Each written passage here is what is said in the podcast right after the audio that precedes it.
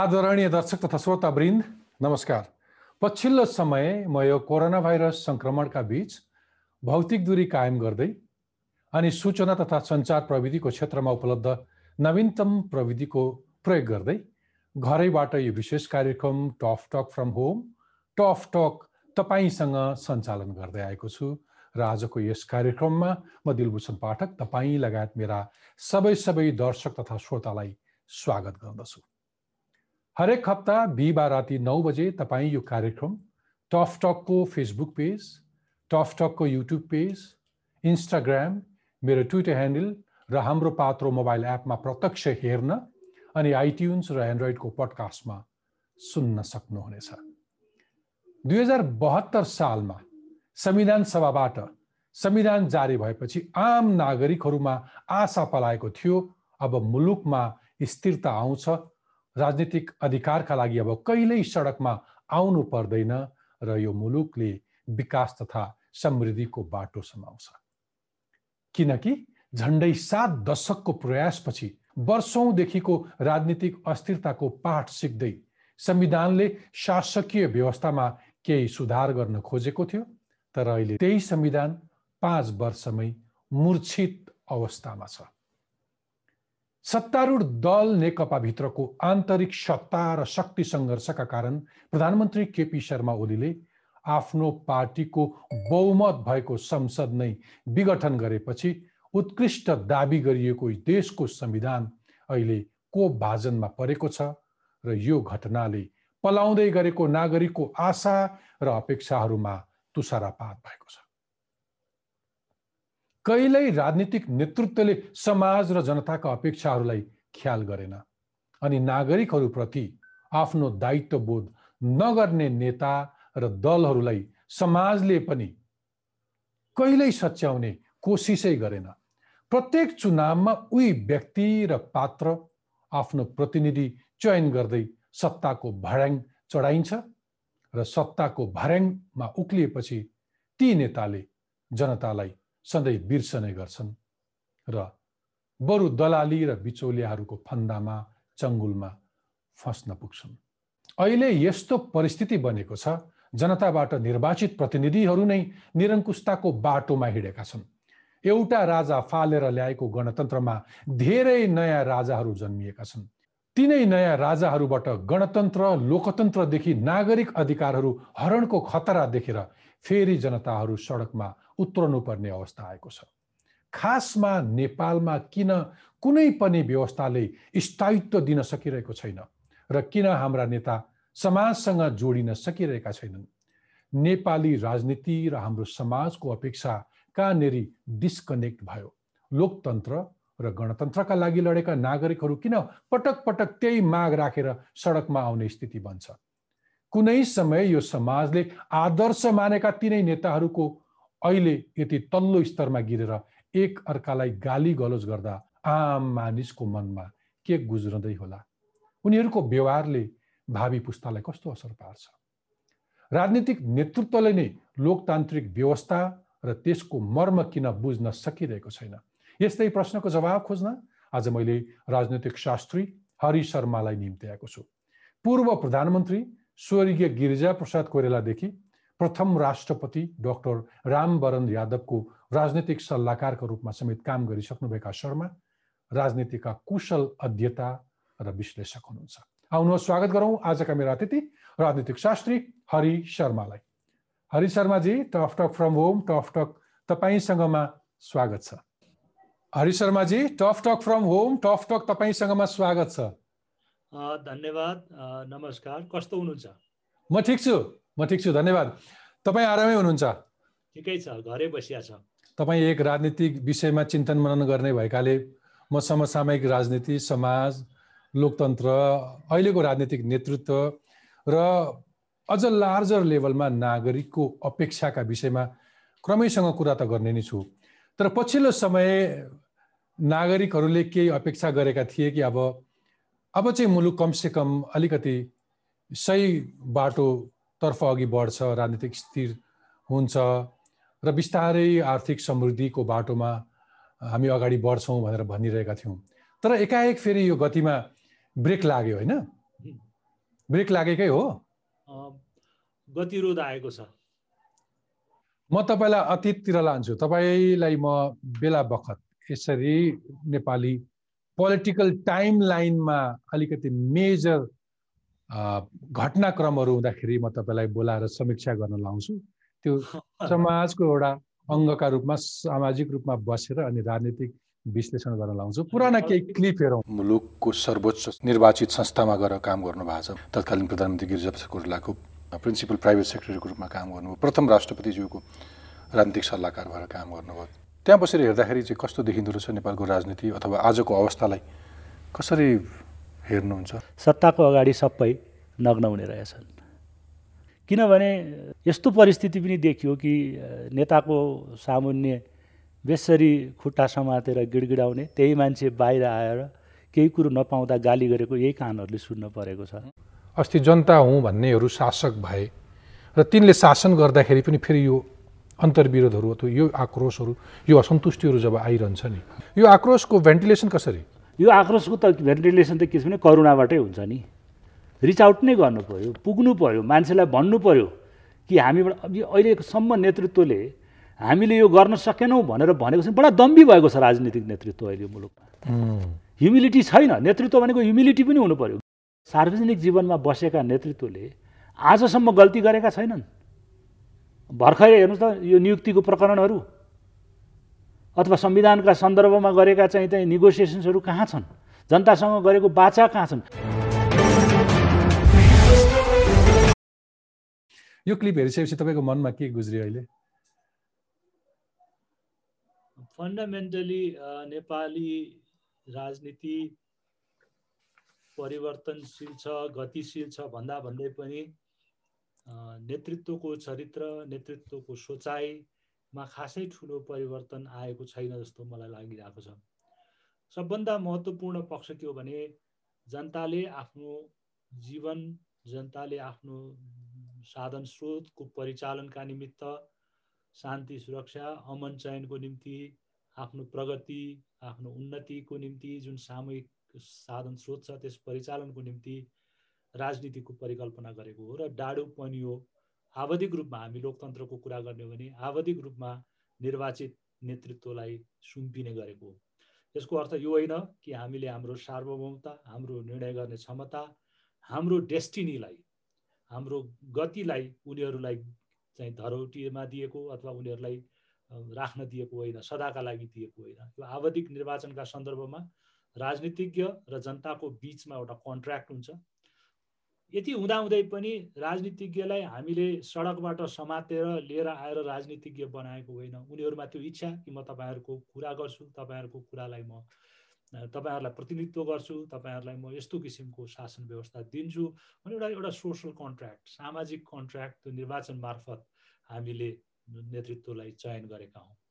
यति हुँदाहुँदै पनि यस्तो नेतृत्व जसले जनतासँग परेको बेलामा दुःख मर्काको दुःख परेको बेलामा आफ्नो गाह्रो साँगुरो कठिनाइहरू आफूले गर्न खोजेका कुराहरू गरेका कुराहरूलाई जुन सार्वजनिक रूपमा राजनीतिक रूपमा सम्प्रेषण गर्थ्यो त्यसै अनुसार जनताको इच्छा आकाङ्क्षा र जनताले राजनीतिज्ञलाई जवाफदेहिताको घेराभित्र राख्ने हो। जन अब यहाँ यस्तो भयो कि राजनीतिज्ञले गर्न सक्ने काम गर्न नसक्ने काम सबै कुराहरूलाई चाहिँ ठुलो ठुलो डिङ हाँगेर पुरा गर्ने गर्ने बेलामा चाहिँ पदले दिएको जिम्मेवारी सही रूपमा वहन गर्न नसक्ने चुनौतीहरूलाई चुनौतीहरूलाई राम्रोसँग बताउन नसक्ने सबैभन्दा ठुलो कठिन मैले देखेको के हो भने जस जो चाहिँ एकदम अहिले अप्ठ्यारो छ कि राजनीतिक संवाद जसको निम्ति जनतालाई सूचना दिने आश्वस्त गर्ने र मुलुकको गतिको बारेमा आफ जनता जनार्दनसँग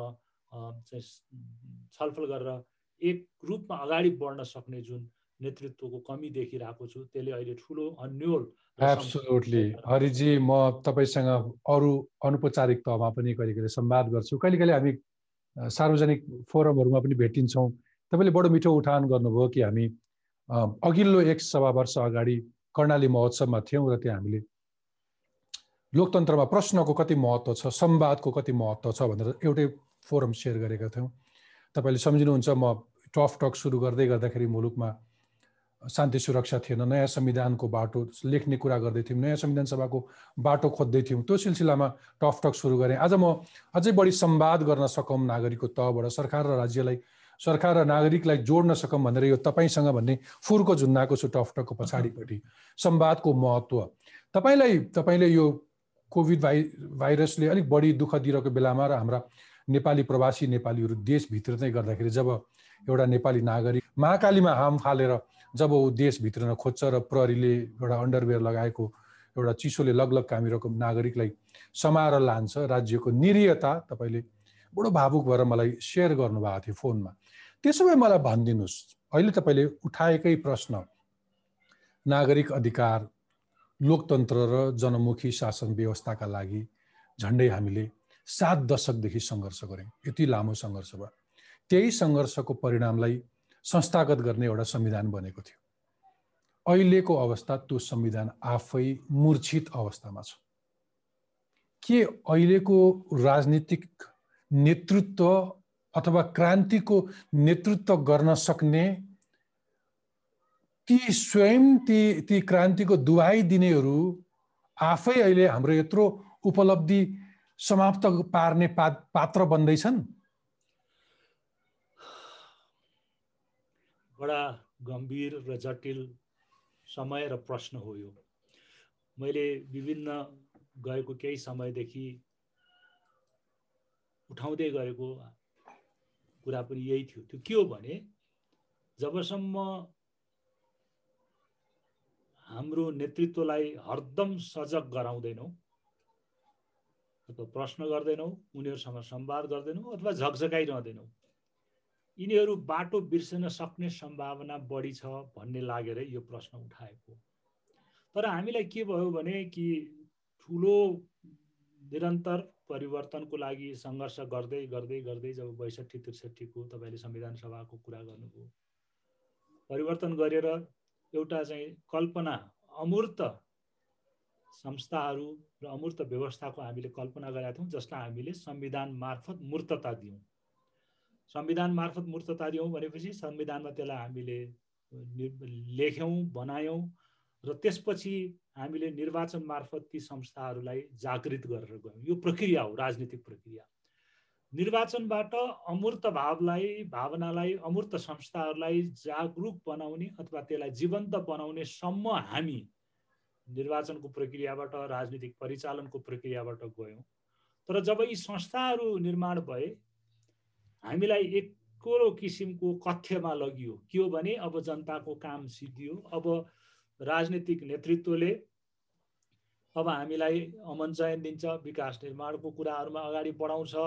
अब चाहिँ सांस्कृतिक राजनीतिक क्रान्ति सकियो। अब आर्थिक क्रान्ति प्रगतिको पथमा समृद्धिको पथमा जाने भनियो तर जुन संस्थाहरू हामीले त्यो सम्पूर्ण कुरा गर्नको निम्ति तयार गरेका थियौँ संवैधानिक संस्थाहरू आयोगहरू संवैधानिक जवाबदेहिताका प्रश्नहरू। त्यसमा हामीले के गर्यौँ कता कता हामी दिनभरि खेतमा काम गरेको श्रमिक जस्तो अथवा फ्याक्ट्रीमा काम गरे जस्तो मजदुर अब प्रडक्सन चालु भयो अब हामी घर जाउँ।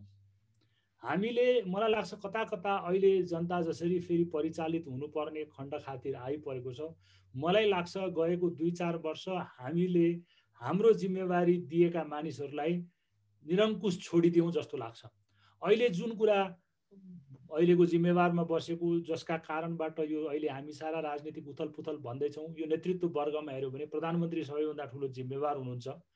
त्यसपछि तपाईँको उहाँका दलका विशिष्ट नेताहरू जिम्मेवार हुनुहुन्छ र हामीले चयन गरेको सिस्टम लोकतान्त्रिक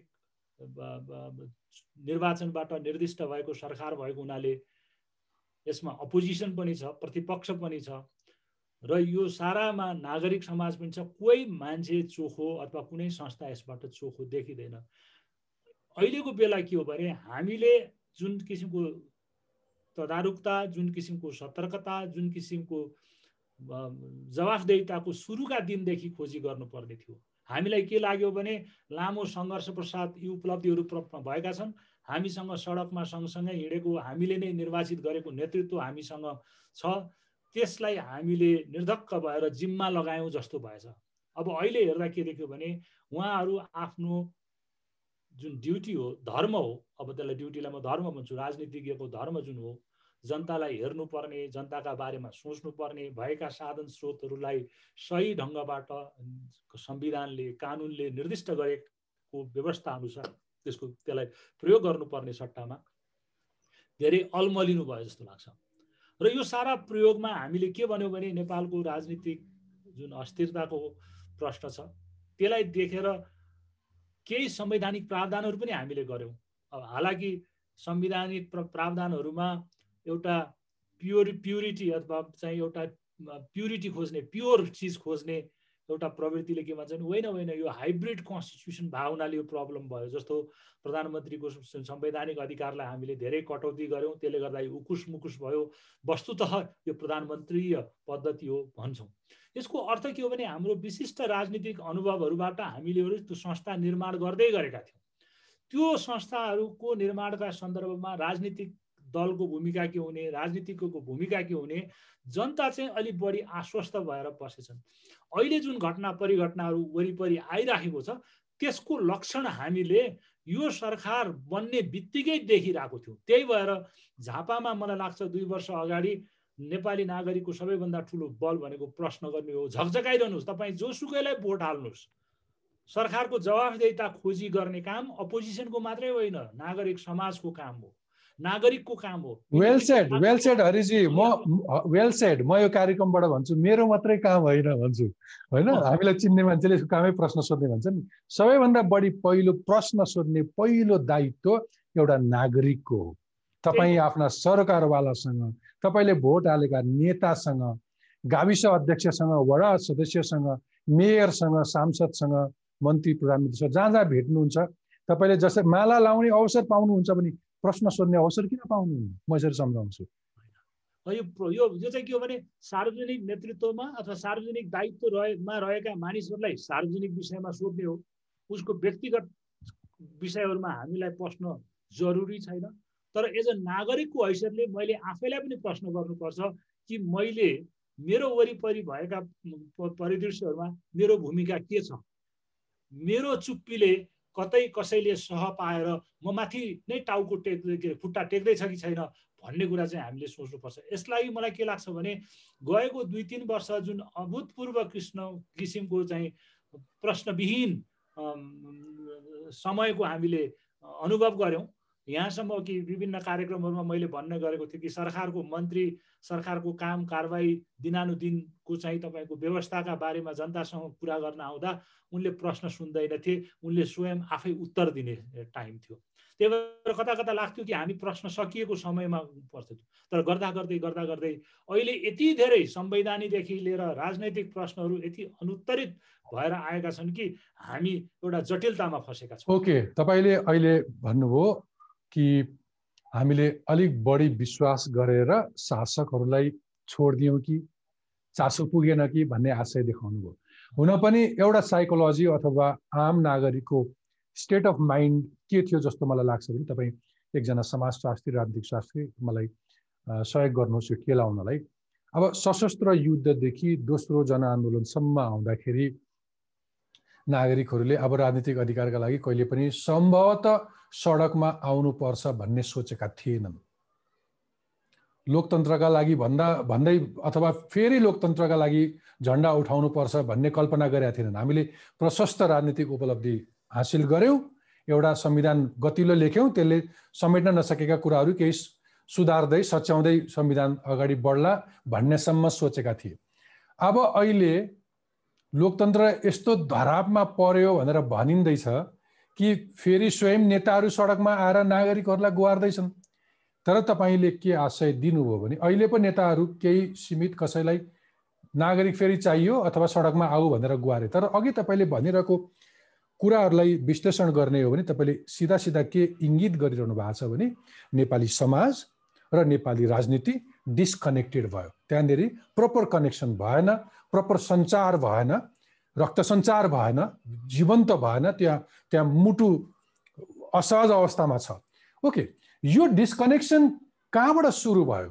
जुन किसिमको नागरिक समाज र चाहिँ राजनीतिक समाज अथवा राजनीतिक दलहरूको वृहत सहकार्य हातेमालो बाट जुन परिवर्तन सम्भव भयो त्यो सम्भव भइसकेपछि के लाग्यो भने अब नागरिकको काम सकिसक्यो। अब बाँकीको काम हामीले राजनीति संविधान पनि बनायौँ। अब यो संविधान आफ्नो गति अनुसार चल्छ र यसमा नेतृत्व पनि हामीसित लामो समयदेखि परिचित र अघि तपाईँले इन्ट्रोडक्सनमा भने जस्तो जेल नेल दुःख सुख सहेर आएको नेतृत्व छ भन्ने लागेको थियो तर अब हेर्दै जाँदा के रहेछ भने नेपाली समाज आफ्नै किसिमले ठुलो फड्को पनि मारिरहेको छ। कसैले राज्यले गरेर होइन विश्वव्यापी रूपमा आएको परिवर्तनहरू शिक्षाका कारणबाट देश विदेश ग्लोबलाइजेसन विभिन्न फ्याक्टर्सहरूबाट हाम्रो लाखौँ मान्छे अहिले देश विदेशमा काम गरिरहेका छन्। इकोनोमीको अपर्च्युनिटिजहरू पनि खुलिरहेको छ जो कतिपय राज्यले फेसिलिटेट गरेको छ कतिपय मार्केटले आफै सिर्जना गरेको पनि छ।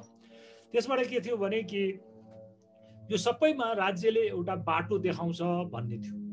किनभने राज्यले सबै कुरो गर्न सक्छ भन्ने एक किसिमको धार थियो। त्यो धार पनि भएको त्यो किसिमको विचारधारा बोक्ने राजनीतिक दल अहिले राजनीतिक दल चाहिँ सत्तामा पुगेको थियो सोसलिस्ट विचार राख्ने।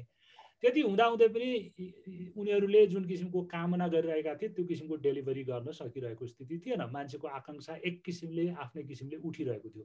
तर के लागेको थियो भने भर्खर भर्खर यो संविधान यत्रो ठुलो आन्दोलनपछि संविधान आएको छ।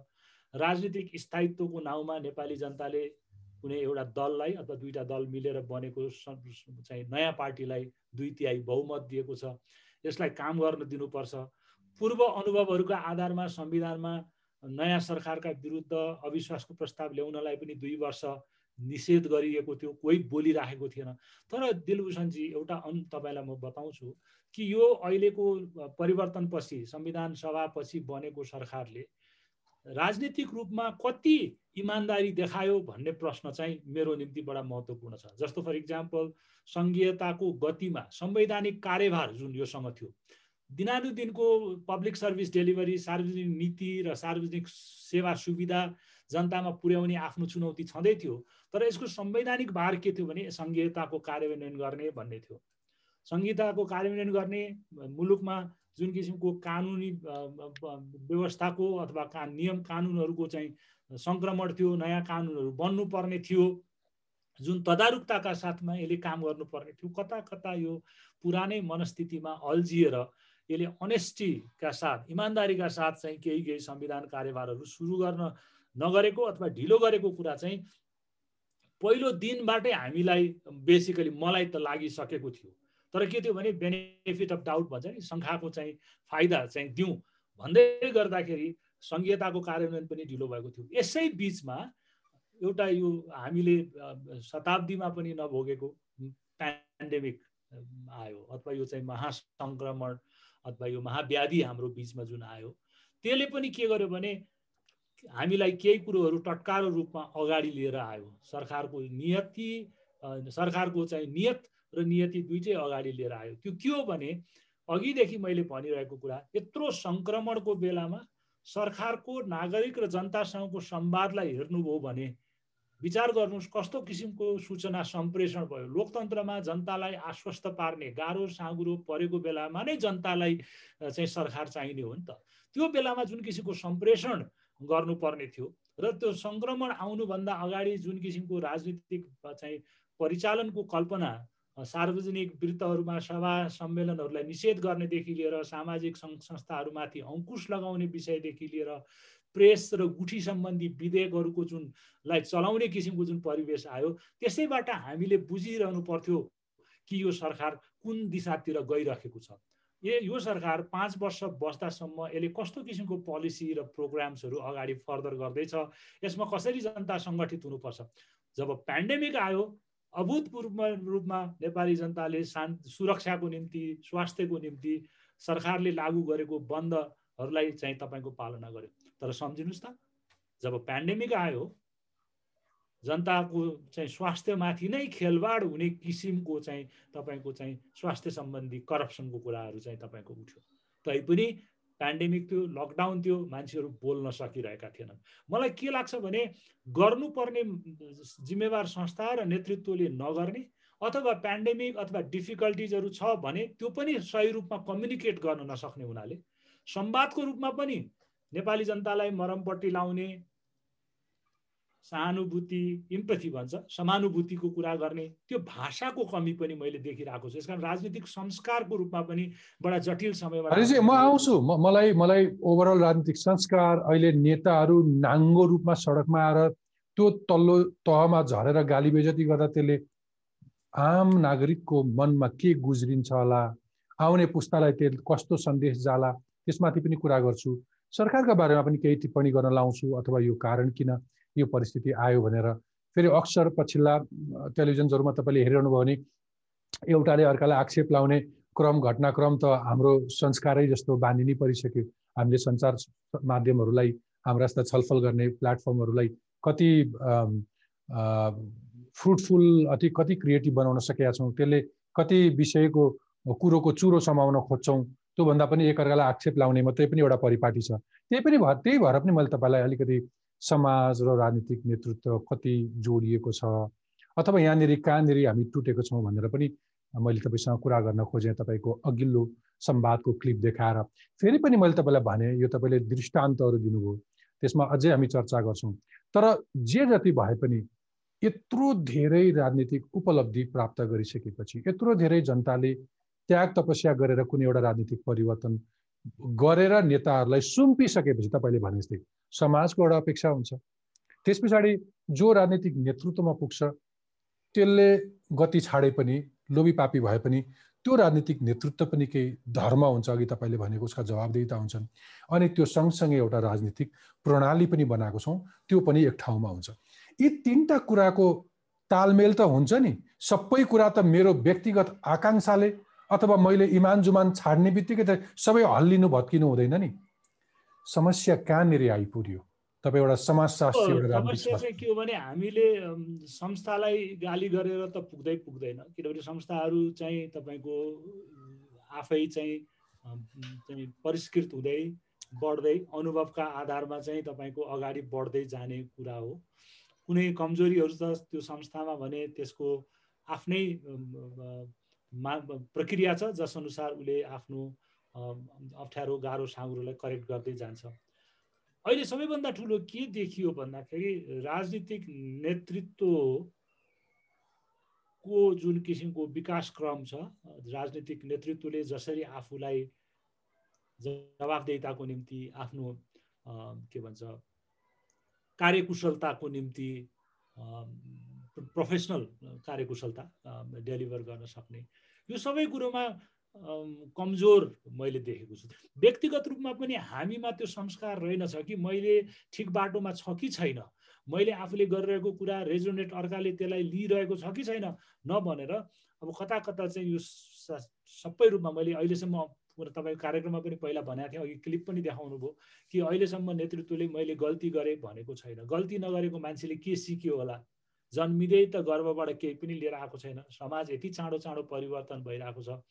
भन्दाखेरि सर्व सर्वज्ञानी राजनीतिक नेतृत्वले हाम्रो जुन चुनौतीहरू छ त्यसलाई पार लगाउन सक्दैन। सामूहिक रूपमा म सक्छु सक्दिनँ मेरो गल्ती मेरो कमजोरी यो मलाई यसमा बल चाहियो भन्ने किसिमको छलफल लोकतन्त्र भनेकै छलफल हो। लोकतन्त्र भनेकै साझेदारिता हो। लोकतन्त्र भनेकै संवाद गर्न सक्नु हो। र मैले के देखेँ भने हाम्रो राजनीतिक नेतृत्व चाहिँ एकाङ्की रूपमा अगाडि बढ्न खोजेको एकाङ्किक रूपमा अगाडि बढ्नुको अर्थ के हो भने ऊ आफ्नो आत्मकेन्द्रित भन्दा पर छैन। सबैलाई लिएर सँगै हिँड्ने मान्छेले टक्क अडिएर पनि हेर्छ पछाडि मसँग कोही आइरहेको छ कि छैन। कोही मान्छे अप्ठ्यारोमा परेको छ भनेर हेर्नु पर्ने हुन्छ।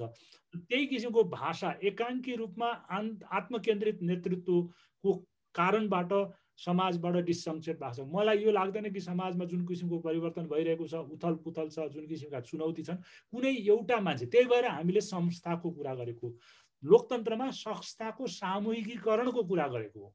व्यक्तिको कुरा लोकतन्त्रमा गौण भएर जान्छ। यो यो तानासाही व्यवस्थामा अधिनायकवादी व्यवस्थामा मात्रै सर्वसत्तावादी सबै कुरो जान्ने सर्वज्ञानी नेतृत्वको कल्पना हुन्छ। लोकतन्त्रमा त जो मान्छेले भोट हाल्छ त्यो मान्छे पनि नेतृत्वमा पुग्न पाउने क्षमता र प्रक्रियाको काम गरेको हुन्छ। हामीले कता कता लोकतन्त्रलाई केही इने चुने किनेका मान्छेहरूको मात्रै लोकतन्त्र हो भन्ने किसिमबाट चाहिँ सोच्यौँ र त्यो किसिमको संवाद सम्प्रेषण गऱ्यौँ जस्तो मलाई लाग्छ। त्यही भएर यो डिसजङ्सन भयो। लोकतन्त्र सामूहिकताको निम्ति हो अथवा एकाङ्की रूपमा एक्लै चल्न म म मात्रै र मेरा निम्ति मात्रै हो भन्ने कुरा चाहिँ सोच्यौँ। मलाई लाग्छ अलिकति दार्शनिक जस्तो कुरा लाग्छ तर म फुटाइदिन्छु। म म फुटाउन खोज्दै थिएँ। दार्शनिक जस्तो लाग्छ। म अक्सर सामान्य कुरा पनि मेरा दर्शक श्रोतालाई म दूर दराजमा बस्ने विद्यालय नदेखेको मान्छे पनि यदि मलाई कुनै टिभीमा हेर्दै हुनुहुन्छ भने तिनका लागि पनि मैले बोल्नुपर्छ भनेर म फुटाइदिन खोज्छु। अथवा तपाईँले अहिले के भन्नुभयो भने लोकतन्त्र दुई चारजना मान्छेको जस्तो मात्रै भयो। सिङ्गो दूर दराजमा धारचुलामा बस्ने होलाङचुङ्गोलामा बस्ने नेपालीको पनि लोकतन्त्र हो। र यो मुलुकमा अथवा यो लोकतन्त्रमा प्रधानमन्त्री हुने तिनै चार पाँचजना मान्छे मात्रै पालै पालो हुने लोकतन्त्र होइन। लोकतन्त्रमा तपाईँ म अघि मैले भनेको ओलाङचुङ्गोला अथवा तल धनुषा सप्तरी सिराको एउटा दुर्गम गाउँको सबैभन्दा पिछडिएको बहिष्कृत समूहको एउटा सदस्य अथवा माथि दूरदराज जो कोहीको पनि समान हैसियत हुनुपर्छ उसको समान अधिकार लाग्छ भन्ने हुन्छ तपाईँ लोकतन्त्रमा होइन? हरिजी? ओके अनि यदि मैले एउटा भनेको के भने समाजले जहिले पनि एउटा आशा गरेको हुन्छ नि अथवा जति ठुलो परिवर्तन गरे पनि जब त्यो त्यो त्यो परिवर्तनको अनुभूत गर्न एउटा एउटा नागरिकले पनि त्यसको दोष चाहिँ नेतृत्वमा मात्र जान्छ अथवा अघि हामीले भने जस्तै त्यही दुई चारजना ठेकदार जो मात्रै यो मुलुकको प्रधानमन्त्री बन्नलाई हामी मात्रै लायक छु भनेर भन्ठान्छन् अथवा जसले कब्जा गरेर राखेको छन् यो लोकतन्त्र उनीहरूको नियन्त्रणमा छ जसले आम जनतालाई अनुभूत गर्न दिन्नन् ती जनताहरू पनि दोषी होलान् नि जसले विभिन्न समय कालखण्डमा तिनीहरूलाई अनुमोदित गरिरहन्छन्। चुनाव मार्फत। जवाबदेहिताको सन्दर्भमा उत्तरदायित्वको सन्दर्भमा राजनीतिक नेतृत्व जवाबदेही उत्तरदायित्व उत्तरदायी हुनुपर्छ जिम्मेवारी वहन गर्नुपर्छ।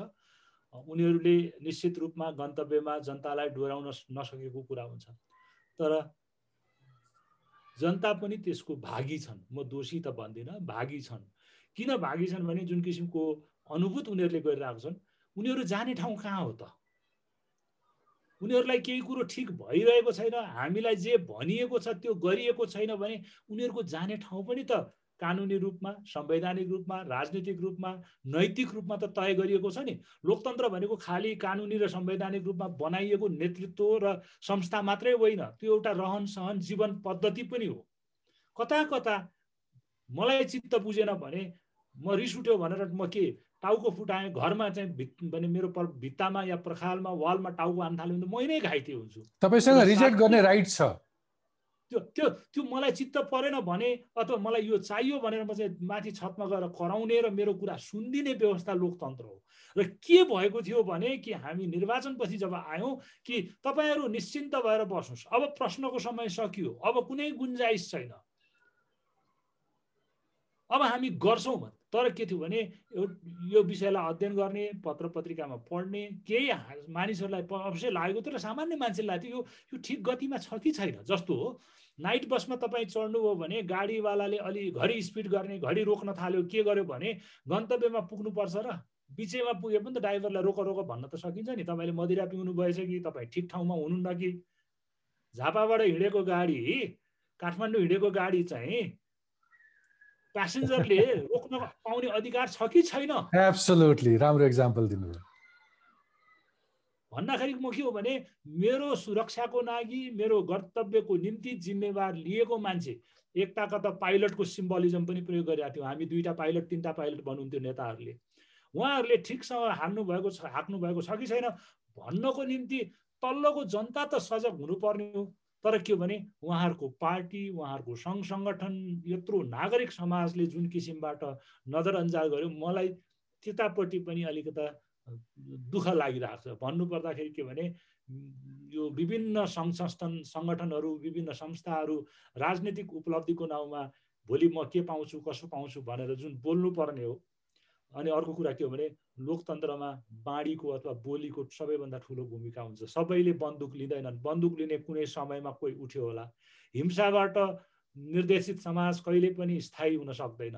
यसकारण हामी अहिंसात्मक जुन बोली बलको जुन चाहिँ छ भावनाको जुन छ हामीले बोलेर गर्न सक्ने डिमान्ड गर्न सक्ने जुन किसिमको पिसफुल तपाईँको चाहिँ डिसेन्ट अथवा विरोध गर्न पाउने अधिकारहरू त त्यसलाई हामीले केही दिन थाती राख्यौँ र अब जब केही भइसकेपछि हामी जुर्मुराउँदैछौँ हामी सबैमा एकअर्कामा अविश्वास देखिरहेको छ। कि फल्नु मान्छे हो कि होइन फल्नु ग्रुप हो कि होइन यो कसका निम्ति यो चाहिँ चाहिँ भर्याङ भइराखेको छ? किनभने हामी पहिलो दिनदेखि नै बेनिफिट अफ डाउट दिने नाउँमा यसलाई चाहिँ शङ्खाको चाहिँ चाहिँ लाभ दिने नाउँमा हामीले हाम्रो नागरिक दायित्वलाई वहन गर्न सकेनौँ। यसको अर्थ होइन कि पहिलो दिनदेखि नै हल्ला गर्नु पर्थ्यो भनेको होइन। सार्वजनिक वृत्तहरूमा यी जवाफदेहिताका विषयहरूमा यथेष्ट छलफल हुनुपर्ने यथेष्ट चाहिँ तपाईँको केही वर्ग केही समुदाय नागरिक पत्र पत्रिका पत्रकारहरू जो चाहिँ विभिन्न समूहहरूमा चाहिँ विभाजित छौँ हामीहरू अथवा आफ्नो आफ्नो पेसागत रूपमा यिनीहरूको चिन्ता हुनु पर्थ्यो कि मेरो मुलुक सही गतिमा गएको छ कि छैन राजनीतिक नेतृत्व सही रूपमा अगाडि बढ्दैछ कि छैन? अब नेपालको सन्दर्भमा भन्यो भने प्रधानमन्त्री त जनताको पहिलो सेवक हो नि। उहाँलाई केही कुरो भन्न नसक्ने सल्लाहकार उहाँको दल र नागरिक समाज पनि हामीले देखेका छौँ। कि होइन हजुर यो त गर्न हुँदैन कि? होइन यो चाहिँ यो गर्दाखेरि हाम्रैलाई हाम्रै दललाई हाम्रै समूहलाई यसरी बेफाइदा हुन्छ कि? पनि भन्न नसकेको चाहिँ एकाङ्की रूपमा चाहिँ नेतृत्वलाई निरङ्कुश छोडिदिँदाखेरि त्यसको जिम्मेवार हामी सबै हौँ यसकारण अहिले हामी सडकमा आएर यो निरङ्कुशतालाई अलिकता करेक्ट गरौँ ठिक ठाउँमा लिएर आउँ भन्दा पनि सँगै छेउमा उभिएको साथीलाई शङ्खा गरेर हेरिरहेका छौँ। यस्तो पनि त हुनसक्छ। जस्तो जस्तो के हुन्छ भने मलाई सोध्न मन लागेको चाहिँ अघि हामीले गरेको एउटा नागरिकको अपेक्षा अथवा समाजको आशामाथि तुषारपात भयो भने त्यसले कस्तो परिणाम ल्याउँछ भनेर सोध्न मन लागिरहेको छ तपाईँलाई? जस्तो अब तपाईँ एकदमै मिहिन तरिकाले समाज अध्ययन गर्नुहुन्छ हिन्डुल गरिरहनुहुन्छ राजनीतिलाई पनि त्यसरी नजिकबाट निहाल्नु भएको छ तल्लो एउटा एउटा ठेला कुदाउने मान्छेसँग पनि तपाईँले पटक पटक संवाद गरेको मैले मेरै आँखाले देखेको छु। तपाईँ मुलुकको सर्वोच्च संस्था त्यस बेला नै स्वर्गीय गिरिजाप्रसाद कोइरालाको कार्यालयमा प्रिन्सिपल सेक्रेटरी भएर प्रथम राष्ट्रपति रामवरण यादवको सल्लाहकार भएर काम गरिसकेको मान्छे। तपाईँलाई थाहा छ नि समाज पनि त निराशातर्फ जान सक्छ नि। मलाई भनिदिनुहोस् समाज कुन अवस्थामा निराश बन्न सक्छ? समाज नै निराश भयो भने अग्रगमन प्रगति विकास समृद्धि भन्ने कुराहरू कहाँ कहाँ पुग्छन्? अब दिलभूषणजी तपाईँले एउटा अब यो कसैलाई आक्षेप नलागोस्। अब एउटा कहावत छ नि जुनै जोगी आए पनि कानै चिरेको भनेर होइन? अब निश्चित जोगी वर्गलाई भने होला तर त्यो नलागोस्। किनभने जोसुकै आए पनि उस्तै किसिमको भन्ने भयो भने राजनीतिप्रति एक प्रकारको वितृष्णा उठ्न सक्छ। राजनीति भनेको जनतालाई परिचालित गर्ने जनतामा आशा जगाउने जनतालाई गति दिने र जुन लक्षित तपाईँको गन्तव्य छ त्यसमा मुलुकलाई पुर्याउने एउटा सामूहिक अभियान हो र सामूहिक विषय हो। र यो सामूहिकतामा अहिले के छ भने सबैभन्दा ठुलो सङ्कट चाहिँ विश्वासको सङ्कट भएको छ। हामीले यत्रो चाहिँ परिवर्तन गरेर लिएर निर्माण गरेका संस्थाहरू सही रूपमा सञ्चालन नहुनु नेतृत्व जवाफदेहीबाट विमुख हुनु राजनीतिक नागरिक समाजहरू एकअर्कामा चाहिँ परस्पर रूपमा संवाद गर्नुको साटो चाहिँ एकअर्कालाई चाहिँ दलीय दोषारोपणमा उत्रिनुले जनताको बिचमा एक किसिमको विश्वासको सङ्कट पैदा गरेको छ। त्यसै गर्दा हामीले लोकतन्त्रको बारेमा नेपालमा चर्चा गर्दाखेरि ठुलो ठुलो कुराहरू गऱ्यौँ। लोकतन्त्र भनेको प्रतिनिधित्वको प्रश्न हो लोकतन्त्र भनेको चाहिँ आवाजको कुरा हो आवाज बिहानलाई आवाज हो।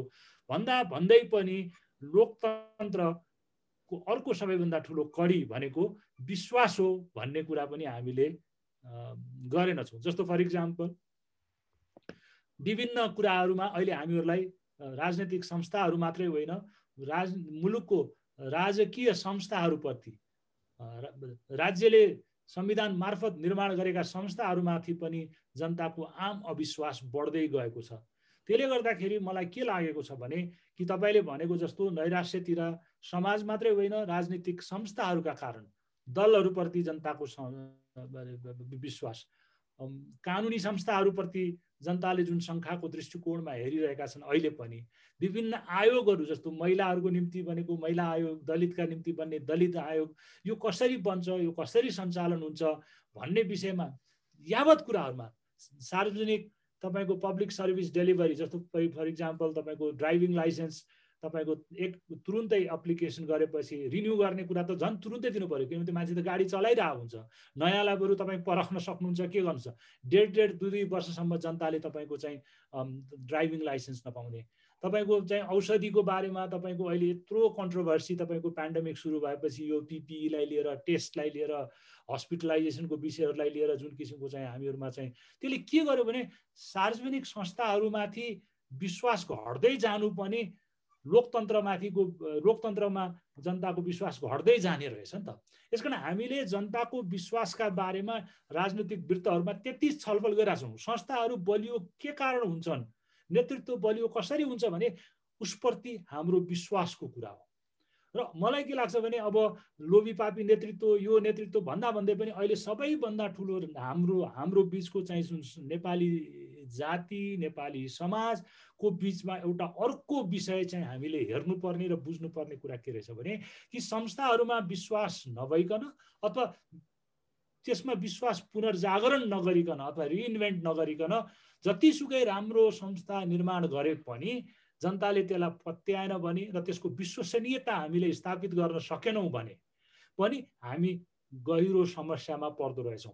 यसकारण मैले भनिहालेँ अब अहिले सडकमा नागरिक समाज उत्रिरहेको छ तर त्यहीँभित्र पनि मैले एकअर्काप्रतिको प्रश्न प्रति प्रश्न विश्वासको सङ्कट देखिराखेको छु। राजनीतिक नेतृत्वमा पनि विश्वासको सङ्कट देखिराखेको छु। राजकीय संस्थाहरूमा पनि विश्वासको सङ्कट सो हिजो मलाई लाग्थ्यो कि जुन जुन डेमोक्रेसीमा भोइस हुँदैन जुन लोकतन्त्रमा चाहिँ अपोजिसन हुँदैन जुन लोकतन्त्रमा तपाईँको माइनोरिटी अल्पसङ्ख्यक हुँदैन त्यो लोकतन्त्र हुँदैन भनेर भनिरहेको थिएँ तर लोकतन्त्रको सबैभन्दा ठुलो आधार अहिले आएर हेर्दा हामीले विश्वास ट्रस्ट त्यो इन्स्टिट्युसन्सप्रति ट्रस्ट नेतृत्वप्रति ट्रस्ट र आम नागरिकको एक अर्काप्रतिको ट्रस्ट मैले तपाईँलाई विश्वास गर्छु कि गर्दैन। दिलभूषणले जुन कुरा गरिरहनु भएको छ अनेस्टली सार्वजनिक वित्तमा कुरा पुर्याउनलाई लानुभएको छैन। भन्दाखेरि केही फन्डामेन्टल भ्यालुजहरूको बारेमा संस्थाहरूको बारेमा कुरा गर्दा गर्दै पनि केही मूल्य मान्यताका कुराहरूमा यो मूल्य मान्यताहरू यसरी कुरा गर्दा अमूर्त देखिए पनि दिनानुदिनमा ती मूल्य मान्यताले हामीलाई निर्देशित गरिरहेको हुन्छ। र अहिले सबैभन्दा ठुलो मुलुकको चुनौती जसका कारण समाजमा नैराश्यता आउन सक्ने सम्भावना के हो भने हामीले सिर्जना गरेका राजनीतिक संस्थाहरू जसले हामीलाई सुशासन दिने जसले हाम्रो जीवनका या यावत चाहिँ तपाईँको चाहिँ तपाईँको सार्वजनिक सुविधा र सेवा प्रदान गर्ने संस्थाहरू हुन् तिनीहरूमाथि पनि हाम्रो विश्वास उठेर गइरहेको छ। यसकारण जुन अब यो विश्वास कसरी आर्जन गर्ने भन्दाखेरि फेरि पनि म फर्केर सुरुकै पोइन्टमा आउँदैछु कि विश्वास आर्जन गर्ने भनेको कुरा नेतृत्वले अब हुन त यो बडा सस्तो शब्द भएको छ यो आत्मआलोचना भन्ने शब्द म प्रयोग गर्न चाहन्न।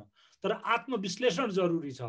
रिफ्लेक्सन आफूलाई फर्केर हेर्न जरुरी छ। र मलाई के लाग्छ भने हामीले सबैले आफ्नो ठाउँ बसेर गलत गर्ने मान्छेलाई त जनताले पनिस गर्छ निर्वाचन मार्फत के के मार्फत कानुन मार्फत भन्छ होइन। समाजले आफैले आफूलाई निहालेर हेर्नुपर्ने टक्क अडिएर होइन? टक्क अडिएर आजसम्म मैले के गरेँ के गर्न सकिनँ भनेर छातीमा हात राखेर जबसम्म हामीले सोच्दैनौँ तबसम्म मलाई लाग्छ एउटा सामूहिक रूपमा यो यो जरुरी। अर्को कुरा के छ भने राजनीतिमा अलिकता आध्यात्मिक मैले भनेको धर्म कर्म मन्दिर जाने घन्टा बजाउने मन्त्र जप्ने भनेको न कता कता जनता के हो राजनीतिको अर्थ के हो यसको भाव स्पिरिचुअल पक्ष के हो? अब धनी नै हुने हो भने त व्यापार गरे हुन्थ्यो नि। राजनीतिमा हामी हाम्रो विश्वासमाथि कुठाराघात गर्नुपर्ने र विश्वासघात गर्नुपर्ने जरुरी के? मलाई लाउने लगाउनु भनेर आएको इन्जेक्सनमा पैसा खान जरुरी के? फार्मेसी खोलेर बसे हुन्थ्यो नि त नेतृत्वले। होइन एब्सोल्युटली हरिजी मलाई अर्को सोध्न मन लागेको नै मलाई अर्को सोध्न मन लागेको तपाईँलाई मैले बिचमा काटेँ। मलाई सोध्न मन लागेको के हो भने अहिले तपाईँ अघिकै प्रसङ्ग फेरि जोड्छु। तपाईँ त्यस बेला गिरिजा प्रसाद कोइरालाको प्रिन्सिपल सेक्रेटरी हुनुभयो। गिरिजा प्रसाद कोइरालाले पनि संसद विघटन गर्नुभयो। त्यो समयदेखि आजसम्म आउँदाखेरि हरेक शासकहरू हेऱ्यो भने हरेक नेतृत्वमा पुग्नेहरूले आफ्नो हठी स्वभाव आफ्नो मुड आफ्नो अहमताले अनेकन निर्णयहरू गरेका छन्। अलोकतान्त्रिक निर्णयहरू गरेको दोष लाग्ने गर्छ। अहिले करिब दुई तिहाईको जनमत बोकेका प्रधानमन्त्री केपी शर्मा ओलीले प्रतिनिधि सभा विघटन गर्नुभयो। विशेष गरी मलाई लागेको आरोप पार्टीभित्रको लोकतान्त्रिक पद्धति नमान्ने उहाँको आफ्नो हटले यो स्थिति आएको। मलाई मलाई मैले तपाईँसँग बुझ्न खोजेको चाहिँ तपाईँ त्यो संस्थाहरूमा बस्नुभयो त्यतिखेर पनि देख्नुभयो। अहिले आएर पनि राति सुत्दाखेरि यसो सम्झिनुहुन्छ होला यो हालत देखेपछि। जनताले विश्वास गरेर त्यहाँ पुगाएको मान्छे कुन अवस्थामा किन कसरी यति धेरै अलोकतान्त्रिक र निरङ्कुश बाटो समाउँछ त्यो बेलाको त्यो बेला देखेर देखे सँगसँगै आजभोलि धेरै किताबहरू पढ्दै गर्दाखेरि निकालेको निष्कर्ष सुन्न मन लागेको मलाई। होइन यो एउटा त के हो भने तपाईँको महत्वाकाङ्क्षाको कुरा हो। नेतृत्वमा गइसकेपछि नेतृत्वको महत्वाकाङ्क्षाको कुनै लिमिट हुँदैन रहेछ भन्ने कुरा चाहिँ अहिलेको नेतृत्वलाई देख्दा देखिन्छ। महत्वाकाङ्क्षा बढ्दा बढ्दै पनि केही लिमिट तपाईँको चाहिँ क्रस गर्न हुँदैन। केही लक्ष्मण रेखा राजनीतिकको लक्ष्मण रेखा अथवा जनताको नाउँमा जनतालाई सेवा गर्छु भनेर जाने मानिसको लोकतान्त्रिक परिधिभित्र बस्छु भनेर चाहिँ प्रमिस गरेर संविधानलाई मान्छु भनेर आएको मानिसहरूले त्यो परिधि क्रस गर्ने हो कि होइन भन्ने कुरा चाहिँ महत्त्वपूर्ण कुरा छ। जस्तो अहिले सुनिएको छ कि प्रधानमन्त्रीको पार्लियामेन्टलाई डिजुलुट गर्ने अथवा यसलाई भङ्ग गर्ने निर्णय चाहिँ राजनैतिक निर्णय हो भनेको छ के प्रधानमंत्री भन्ने पद राजनीतिक पद हो?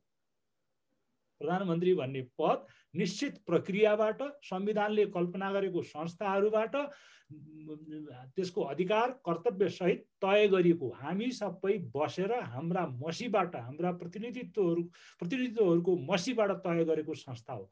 कुनै राजनीतिक निर्णयले चाहिँ गरेको संस्था होइन। राजनीतिक निर्णय भनेको मुलुकमा यो हुनेछ भने होला। तर संविधानमा हालिसकेपछि त्यो संवैधानिक संस्था हो। संविधानमा हालिसकेपछि त्यो संवैधानिक संस्था हो भने त्यो संवैधानिक मर्यादामा होइन मलाई मलाई मलाई आज अब म भन्छु।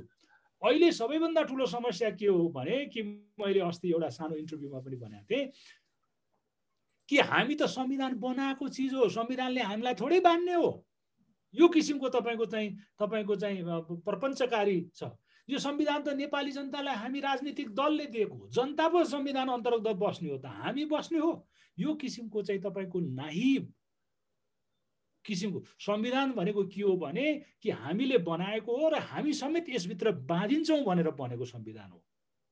त्यही भएर घरिघरि संविधान सभा हुन सक्दैन भनेको संविधान सभालाई सम्झिनुभयो भने तपाईँ के देख्नुहुन्छ भने यसको आयु यसले आफैले तोकेको छ। किनभने संविधान सभा संसद जस्तो निरन्तर फेरि निर्वाचन भएर किन आएन त? नेपालको सन्दर्भमा नहुनु पर्ने कुरा भएको छ। त्यो के हो भने पहिलो संविधान सभा मरेपछि दोस्रो संविधान सभा हामीले सिर्जना गऱ्यौँ किनभने त्यसको कार्यभार सकिएको थिएन भनेर। यो संसद जस्तो पुनर्जीवित किन भएन भने संविधान बनिसकेपछि एउटा रीतिथिति हुन्छ यो आफै बढ्दै जान्छ तर हामी त्यसभित्र बाँधिन्छौँ भनेको। अब अहिलेको नेतृत्वको सबैभन्दा ठुलो प्रश्न के हो दम्बी प्रश्न के हो भने लोकतन्त्र उनीहरूको नेपाली जनतालाई गिफ्ट भन्ने बेलामा मात्रै नेपाली जनताले लडेर भन्छ। तर उसले के सोच्छ सोचिरहेको छ भने कि यो हाम्रो नेपाली जनताको लागि उपहार हो। संविधान दलहरूले चाहिँ तपाईँले नेपाली जनतालाई दिएको। यसकारण तपाईँ देख्नु भएन कि समावेशिताको नाउँमा तपाईँको चाहिँ इलेक्सन्सहरूको कोटामा अरू सबैलाई लाग्ने दललाई नलाग्ने पावरफुल दलहरूलाई नलाग्ने। एक्सेप्सन क्रिएट गर्यो। हामीले बनाएको यो हामीलाई लाग्दैन। अहिले चाहिँ अहिलेको राजनीतिक नेतृत्वलाई के लागेको भने लोकतन्त्र भनेको दलीय प्रतिस्पर्धा हो। अरू मान्छे दल खडा गर्न पनि सक्दैनन् जनताले तिनलाई पत्याउँदा पनि पत्याउँदैन हाम्रो विकल्प छैन एउटा कुरा। हाम्रो विकल्प छैन यसकारण हामीले जे जसो मनमानी गरे हुन्छ। संविधान हामीले नेपाली जनतालाई दिएको हो संविधानले नेपाली जनतालाई निर्देशित गर्ने हो बान्ने हो मलाई बान्ने होइन। भनिसकेपछि त के छ भने जो मान्छे जिम्मेवार लिएको छ त्यो मान्छे नै दिउँसै एम्परर्स न्यु क्लोथ जस्तो नाङ्गै भएर हिँड्यो भने जनताले भन्नु पर्यो कि तिमी अब नाङ्गै भइसक्यौ। त्यो भन्ने सन्दर्भमा हामी एउटा प्रोसेसमा के छौँ भने जुन किसिमको चाहिँ विश्वास अविश्वासको सङ्कट छ त्यो कारण केही दिन डिले भएको हो। जसले जनताको चाहिँ अधिकारमाथि नग्न हस्तक्षेप गर्छ संसारमा त्यो मान्छे कहिले टिकेकै छैन। र मलाई के लाग्छ भने हामीलाई अलि हतार जस्तो फिल भएको होला किनभने हो मुलुक अगाडि बढ्नु पर्थ्यो निर्दिष्ट ठाउँमा जानु पर्थ्यो। एक दिन पनि हामीलाई ढिलो हुन्छ। यत्रो पेन्डेमिक छ अब हामी सु पाखुरा सुर्खेर यहाँ इन्जेक्सन चाहिँ त्यो भ्याक्सिन लगाउँला भनेको औँठा देखाएर चाहिँ भोट हाल्छु भन्नेमा जानु पर्यो। प्रायोरिटी कसरी सिफ्ट भयो? होइन?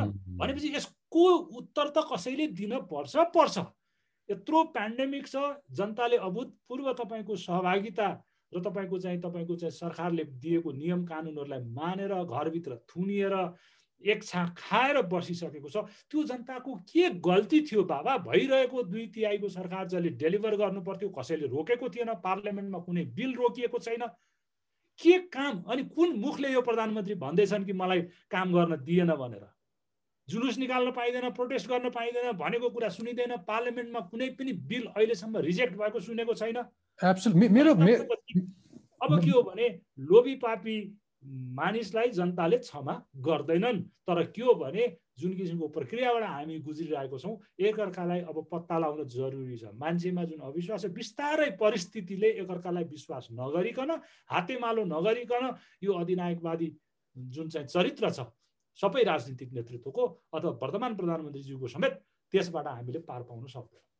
मलाई सोध्न मलाई एकदमै सोध्न मन लागेको चाहिँ तपाईँ हाम्रो अगाडि मत माग्न आउँदाखेरि एउटा बडो आदर्शवान मान्छे देखिन्छ। अनि फेरि त्यो सत्तामा शक्तिमा पुगिसकेपछि। मैले केपी ओलीलाई धेरै पटक धेरै रूपमा देखेको छु प्रधानमन्त्री हुनुभन्दा अगाडिका चरणहरूमा। यो टकटकमा दोहोऱ्याएर आउनु भएको छ। तर प्रधानमन्त्री भएदेखि छेउ पर्न पाइया छैन।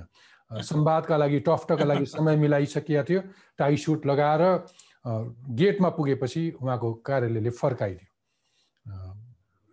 त्यस पछाडि हामी खबर गर्छौँ भनेर भन्यो। त्यस पछाडि जिटिभीका सुधीर चौधरीदेखि लिएर सबैलाई इन्टरभ्यू देखेको भेटियो। ऋषि धमलासम्म सबै पत्रकारहरूले गरे तर अवसर पाएँ। मैले भन्नु खोजेको कहाँ चुरो कहाँ सोध्न खोजेको भने त्यहाँ पुग्नुभन्दा अगाडिसम्म मान्छे ठिकठाक छ। तपाईँले अघि भन्नुभयो त्यहाँ गइसकेपछि सत्ताको माग अथवा त्यहाँको शक्ति म फेरि मान्छेलाई के आदर गर्छु भने पानी पऱ्यो भने त्यो पानी पऱ्यो अथवा जाडो भयो अथवा गर्मी भयो त्यो मौसमले त असर गर्छ नि मानवीय स्वभाव तपाईँसँग म कुरा गर्दा तपाईँको विचार तपाईँको केही कुराहरूले मलाई उत्साहित बनाएर हुनसक्छ होइन? हरेक कुराले साथी सङ्गतहरूले पनि फरक पर्छ। भने चाहिँ त्यो बालोटारमा बस्दाखेरि त्यहाँ घेरिने मान्छेहरू अथवा सल्लाहकारहरू किचन क्याबिनेटहरू तपाईँ त्यसरी बस्नु भएको छ त्यस कारण सोधेको। त्यो संस्था कस्तो हुन्छ त्यहाँको भनेर सोध्न खोजेको। र आजको दिनमा हुँदा हुँदा ठिक छ। सेवा गरेनन् अथवा त्यो एउटा प्रधानमन्त्रीले आफ्नो धर्म पुरा गर्न सकेनन्। तर आज तिनको बोली सुन्दाखेरि पहिले प्रधानमन्त्री भइसकेका त्यो गरिमामय पदमा पुगेका आम नागरिकले समाजको आदर्श मानेका व्यक्तिहरूले आज बिहान बेलुका आज भोलि बोल्ने भाषा टेलिभिजनहरूले देखाइरहेका छन् सञ्चार माध्यममा हेर्न पाएको छौँ। तर हेर्न लायक छैन। तिनलाई छोडिदिनुहोस् हामीलाई सुन्दाखेरि लाज लाग्छ।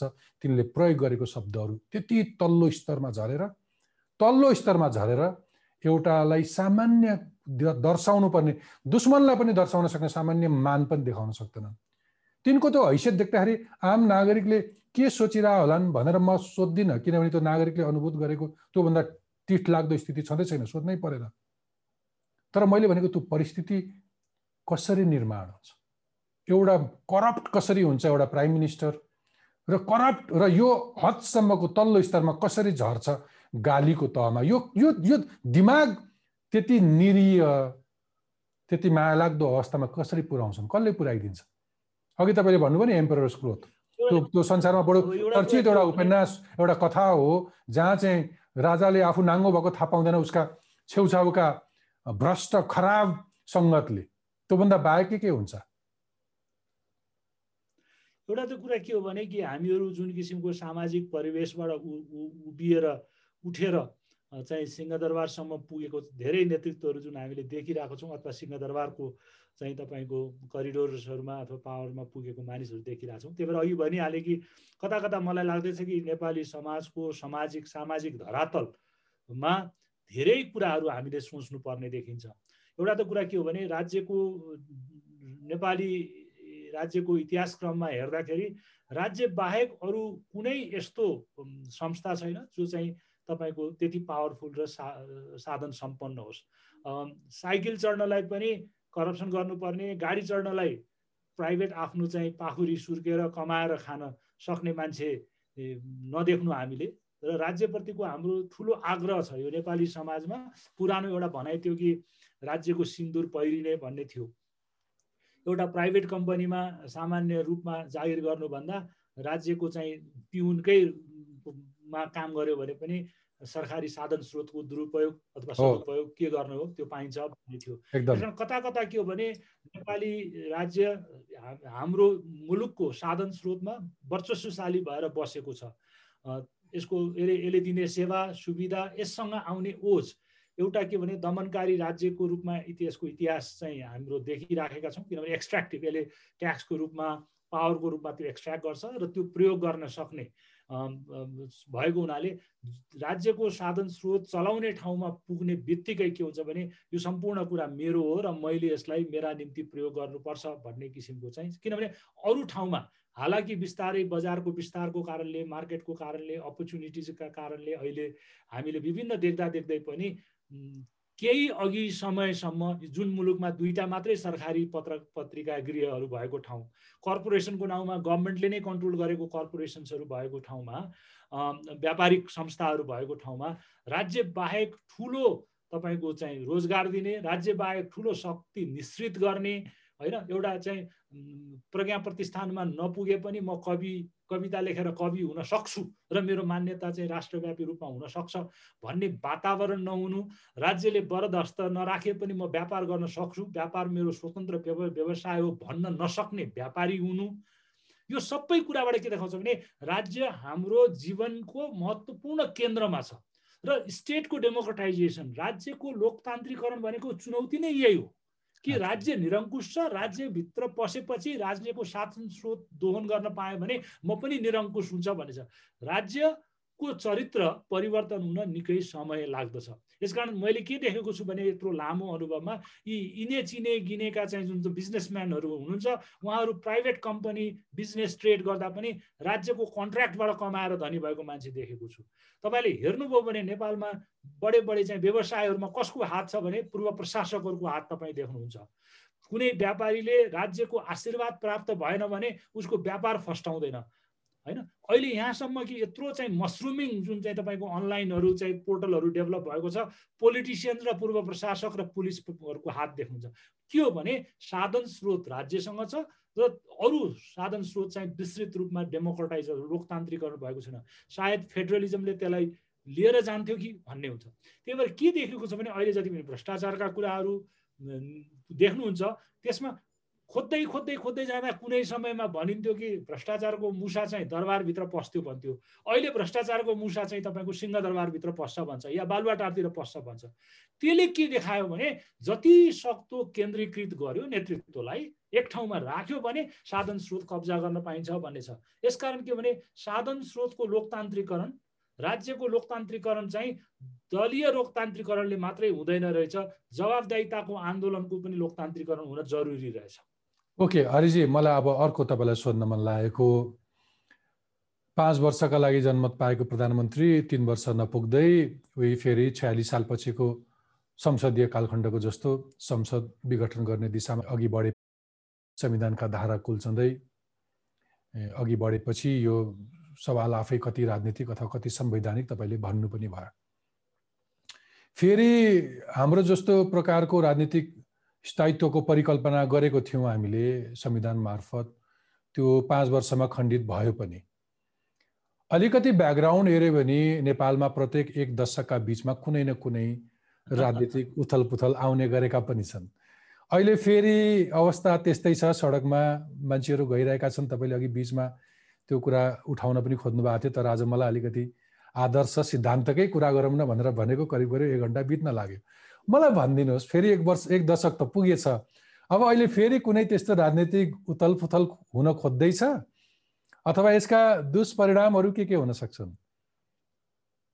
होइन दुष्परिणाम त भइसक्यो कि महामारीबाट आक्रान्त अर्थव्यवस्था महाबाट महामारीबाट आक्रान्त सामाजिक विस्थापन माइग्रेसन यत्रो चाहिँ मजदुरहरूको चाहिँ बिचल्ली आर्थिक व्यवस्था।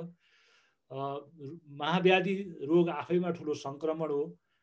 त्यो छोडेर अहिले हामी सडकमा अधिकारको लागि उभिनु पर्ने। त्यो गर्छु भनेको चाहिँ डाडु पढिएको समातेको सरकार चाहिँ आफ्नो कर्तव्य विमुख भएर आफ्नो सर्भाइभलको कुरा अथवा आफ्नो अधिकारलाई आफ्नो चाहिँ जुन चाहिँ शक्ति छ त्यसलाई बढाउन खोज्ने कुराबाटै के देखिसक्यो भने राजनीति र जनता र राज्य तिन दिशातिर फर्केको देखिसक्यो। अहिले जनताको आकाङ्क्षा घरमा चुलो बल्नु हो अहिले घर जनताको आकाङ्क्षा पाखुरीमा चाहिँ तपाईँको चाहिँ भ्याक्सिन लगाएर चाहिँ निश्चिन्त रूपमा रोगसँग लड्ने प्रतिरोध भएर हिँड्न पर्ने हो। बिरामीहरूको रेखदेख गर्नुपर्ने कोभिड अझै सकिएको छैन। यो परिस्थितिमा हामी सडकमा माउर बाँधेर अथवा माउर भन्छु म त्यसलाई मास्क लगाएर मास्क लगाएर चाहिँ तपाईँको चाहिँ नागरिक बोल्नुपर्छ भन्ने तर मुख खोल्न नसक्ने किसिमबाट हामीहरू जम्मा भएर बस्नुपर्ने स्थिति आएको छ। यो आफैमा एउटा विडम्बनापूर्व स्थिति हो। हामीले खोजेको राजनीतिक स्थायित्व भनेको नेतृत्वको स्थायित्व होइन रहेछ राजनीतिक संस्थाहरूको स्थायित्व रहेछ। हामीले राजनीतिक संस्थाहरूको स्थायित्वको नाउँमा पार्लियामेन्टको स्थायित्व खोज्यौँ तर हामीले हाम्रो अदालतहरू कसरी निष्पक्ष निर्धक्क रूपमा काम गर्न सक्छ त्यो सो खोजेनछौँ हाम्रा पब्लिक सर्भिस कमिसन्सहरू हाम्रा विभिन्न संवैधानिक आयोगहरू कसरी निष्पक्षताका साथ इन्डिपेन्डेन्टली काम गर्न सक्छन् भन्ने कुरामा हामीले सोचेनछौँ सबैभन्दा महत्त्वपूर्ण पक्ष के भने लोकतन्त्रमा स्थायित्व खोजीमा स्थायी संस्थाहरूको निर्माण गर्ने क्रममा राजनीतिक दल पनि महत्त्वपूर्ण राजनीतिक संस्था हो। जसभित्रको आन्तरिक लोकतन्त्र जसभित्र चाहिँ को चाहिँ विभिन्न बेला बखतमा उठ्ने विवादहरूको समाधान कसरी हुन्छ भन्ने कुरा पनि हामीले खोजेनछौँ हामीले पार्लियामेन्ट चाहिँ गएको चाहिँ मुलुकको चाहिँ द द सात दशकदेखिको राजनीतिक स्थायित्वको नाउँमा संवैधानिक संस्थाहरूको स्थायित्वको कुरा खोजेछौँ। हामीले कहाँनिर के बिर्सेछौँ भने राजनीतिक दल पनि लोकतन्त्रमा महत्त्वपूर्ण क्षमता हो। यसको स्थायित्व बिना लोकतन्त्र सम्भव छैन। यसको स्थायित्वको चुनौती आन्तरिक विमति आन्तरिक अस असमझदारीबाट आउँछ। आन्तरिक विमति र असहमति कुनै नौलो कुरा होइन। त्यसलाई निर्दिष्ट रूपमा सबैको छलफलबाट सबैले मान्ने हुने किसिमबाट समाधान हुन सक्छ कि सक्दैन। मुलुक चलाउनलाई संविधान चाहिने तर पार्टी चलाउनलाई निर्दिष्ट सबैले मान्ने किसिमको विधान बनाउन नसक्ने त्यसभित्रको समाधानहरूलाई हामीले गर्न सक्ने। यसकारण राजनीतिक स्थायित्वको नाउँमा पार्लियामेन्ट र जनताले भोट हाल्ने अधिकारलाई मात्रै कुण्ठित गर्ने होइन। आफूलाई अर्गनाइज गर्ने व्यवस्था आफूलाई सङ्गठित गर्ने व्यवस्था यदि राजनीतिक दलहरूले सोचेको हो भने उनीहरूले आफूमाथि नै प्रश्न उठाउनुपर्छ। आफू हुनुको अर्थमाथि जबसम्म विश्वास दिलाउन सक्दैनन् यो अरू राजनीतिक संस्थाहरूको स्थायित्वको कुरा पार्लियामेन्टको स्थायित्वको कुरा सर्वोच्च अदालतको स्थायित्वको कुरा पब्लिक सर्भिस कमिसनको यदि राजकीय संस्थाहरूको स्थायित्वको कुरा गौड भएर जान्छ। किनभने त्यो सबै चला अहिलेसम्म हामीले सोचेको राजनीतिक व्यवस्थामा हामीले सोचेको लोकतन्त्रमा दलहरू बिनाको लोकतन्त्र हामीले कल्पना गरेका छैनौँ। दलहरू भनेको छनौटको लागि हो। जनताको छनौट गर्न पाउने अधिकारको निम्ति हामीलाई सङ्गठित शक्तिको रूपमा दलहरू चाहिएको हो। दल बिनाको लोकतन्त्र अहिलेसम्म कल्पना गरेका छैनौँ। कल्पना गर्नलाई समय लाग्न सक्छ तर के भने दलहरूले आफ्नै कारणले आफ्नो औचित्य गुमाउँदैछन्। आफ्नो औचित्यलाई अर्काको कमजोरी प्रधानमन्त्रीले संसद विकट गर्न पाउने कि नपाउने संसद काम गर्न पाउने कि नपाउने भन्ने कुरामा होइन उनीहरूले आफ्नो आन्तरिक कार्यक्षमता कार्यकुशलतालाई नै हेर्नुपर्छ। ओके तर म त एउटा पत्रकार हुँ। मैले त फेरि अर्को पक्ष पनि हेर्नुपर्छ दुवै साइडमा। तपाईँलाई अहिले सडकमा आएका सबैलाई प्रचण्डलाई झलनाथ खनाललाई माधव कुमार नेपाललाई अथवा यो सरकारसँग असन्तुष्ट सबैलाई यो भन्ने छुट होला कि यति धेरै कम्फोर्टेबल यति धेरै मेजोरिटीका प्रधानमन्त्री असफल भए उनको स्वेच्छाचारिताले उनको हठी स्वभावले यो मुलुकलाई डुबाउन खोजे संविधानलाई कुल्चे भनेर भन्ने छुट होला। तर एज अ पत्रकार मैले त अर्को पक्ष पनि सोच्नुपर्छ। र उनको पक्षबाट सोच्यो भने साँच्चै उहाँले दाबी गरे जस्तै उनीमाथि पनि त षड्यन्त्र भएको हुनसक्छ।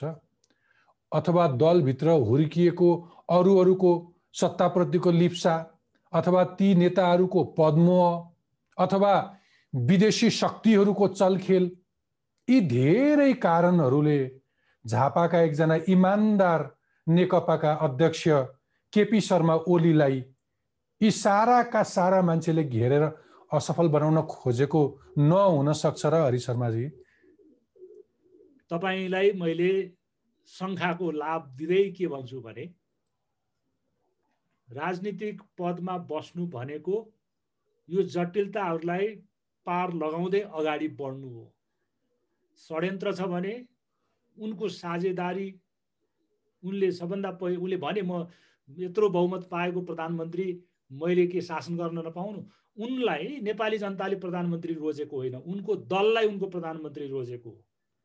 दलभित्र आफ्नो आन्तरिक नेतृत्व स्थापित गर्न सक्दैनन् भन्ने र दल भित्रको आन्तरिक व्यवस्थापनलाई म्यानेज गर्न सक्दैनन् भने त्यसको भागीदारी म भोट दिएको हुन सक्छु नदिएको हुन सक्छु नेपाली जनता किन जिम्मेवार हुने? प्रश्न त्यहाँनिर आउँछ। उनले दुई तिहाई हुँदाहुँदै मैले सरकार चलाउन सकिनँ म माथि षड्यन्त्र भयो भन्यो भने उनले भन्ने आफ्नो दललाई हो। सक्दैनन् भने सक्ने मान्छेले लिएर आउँछन् हामी हेर्छौँ।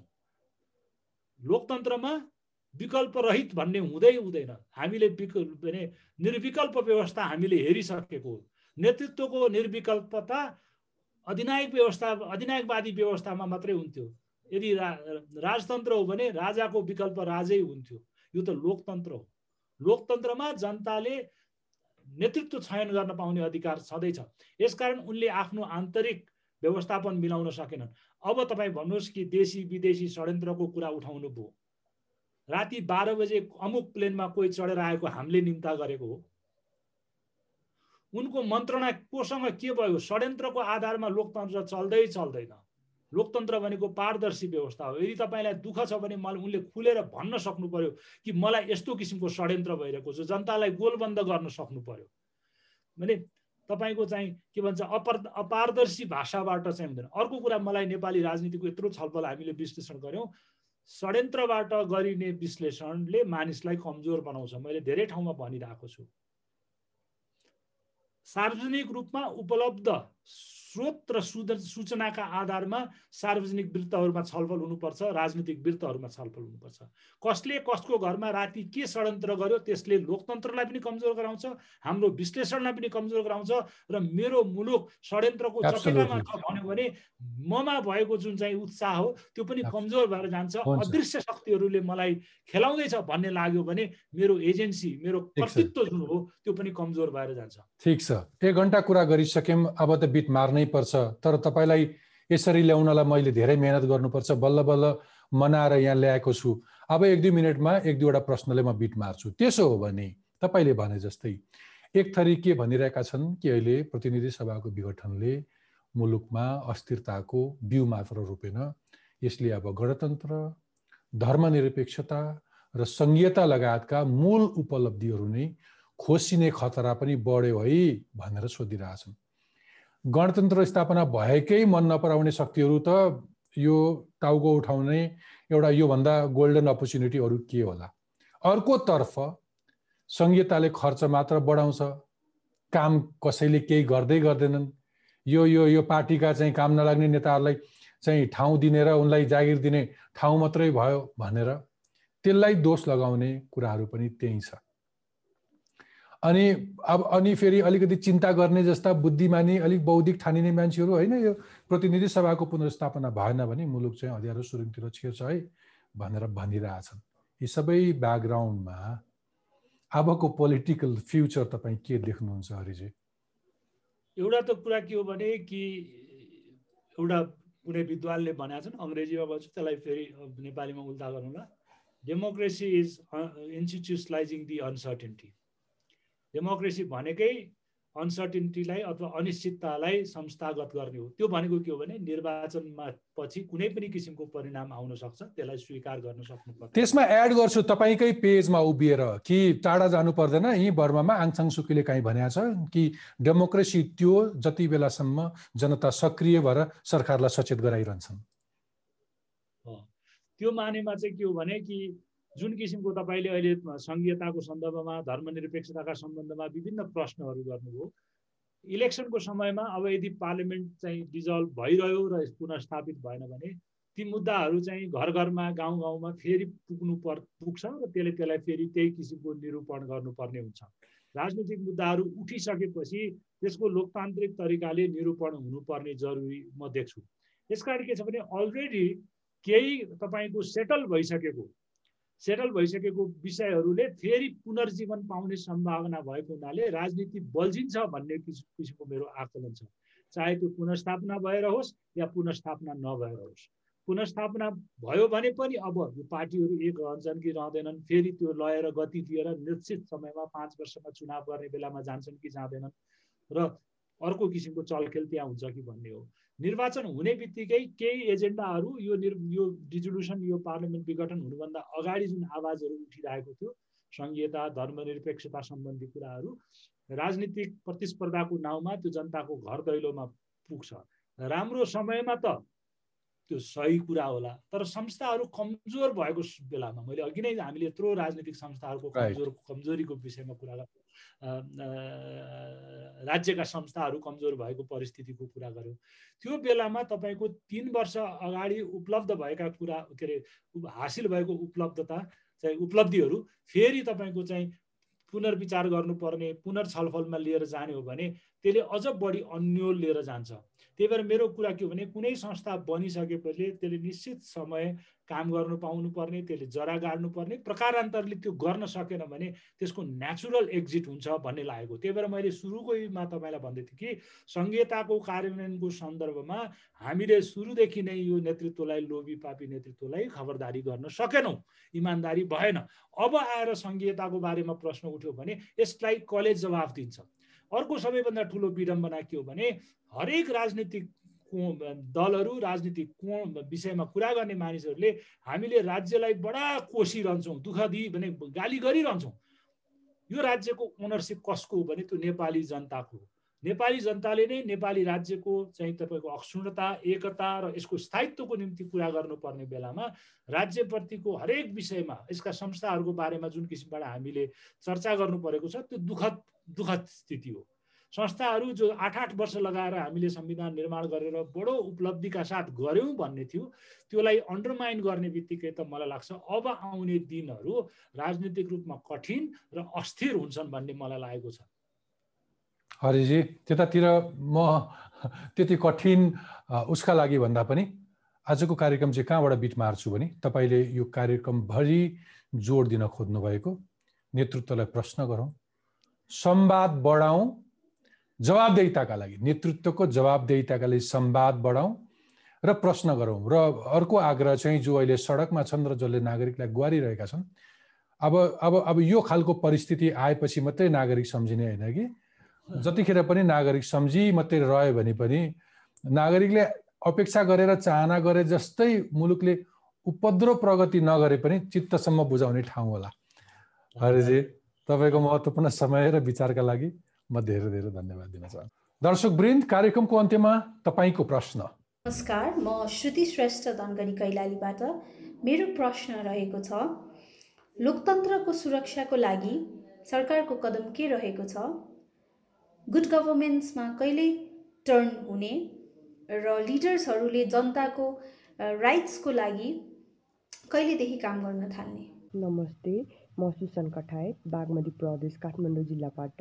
मेरो प्रश्न चाहिँ सम्बन्धित निकायहरूलाई अहिले भइरहेको चाहिँ हाम्रो यो राजनीतिक अस्थिरताका कारण चाहिँ देशमा नराम्रो प्रभाव परेको हुनाले चाहिँ हामीले चाहिँ हाम्रो लोकतन्त्र चाहिँ कसरी जोगाउने र देशलाई चाहिँ सुशासनतर्फ चाहिँ कसरी लैजाने र सम्बन्धित निकायहरूले चाहिँ नागरिकहरूको हक अधिकार सुनिश्चित गर्न चाहिँ कार्यविधि कहिले थालनी गर्ने र कसरी पहल गर्नुहुन्छ? नमस्ते म मोतीराम पौडेल नयाँ मानसरबाट। मेरो प्रश्न सम्माननीय प्रधानमन्त्रीज्यूलाई यहाँहरूले विगत लामो समयदेखि नेपाली जनताहरूलाई विकास तथा समृद्धिका सपनाहरू देखाउँदै आउनुभएको छ। के ती सपनाहरू सपना नै थिए भनेर आत्मबोध गर्नुपर्ने समय आइसकेको हो? यदि होइन भने देशमा व्याप्त बेरोजगारी समस्या आर्थिक सङ्कट स्वास्थ्य सङ्कट भ्रष्ट तथा अनुत्पादक कर्मचारी संयन्त्र अलपत्र पारिएका विभिन्न विकासका योजनाहरू लगायतका विविध समस्याहरू हुँदाहुँदै त्यस्ता समस्याहरूलाई थाँती राखेर यहाँहरू सधैँ सत्ता सत्ता अनि सत्ताकै लागि लुथाचुडी किन गर्नुहुन्छ? अब समय आइसक्यो। तपाईँहरूले नेपाली जनतालाई धेरै पटक धोका दिइसक्नु भयो सपनाहरू धेरै भइसके। अब तपाईँहरूले सक्नुहुन्न भने कृपया छोडिदिनुहोस् नयाँ पुस्तालाई छोडिदिनुहोस्। यदि सक्नुहुन्छ भने नेपाली जनतालाई बारम्बार धोका नदिनुहोस्। धन्यवाद। अबदेखि टफ टकमा तपाईँ आफै पनि प्रश्न राख्न सक्नुहुनेछ। सरकारमा बस्ने हुन् वा प्रशासन चलाउने सार्वजनिक ओदामा बस्ने हुन् वा समाजका जिम्मेवार व्यक्ति तपाईँ जसलाई पनि प्रश्न गर्न सक्नुहुन्छ। उत्तर नआउन पनि सक्छ। तर प्रश्नको प्रभाव अनेक किसिमले परिरहेकै हुन्छ। त्यसैले आजै आफ्नो मोबाइल फोन उठाउनुहोस् क्यामेरा अन गर्नुहोस् नाम र ठेगाना भन्नुहोस् र कसलाई के प्रश्न हो एक मिनटभित्र सोध्नुहोस् र हामीलाई पठाउनुहोस्। हामी सबैभन्दा राम्रा प्रश्नहरूलाई कार्यक्रममा समावेश गर्नेछौँ।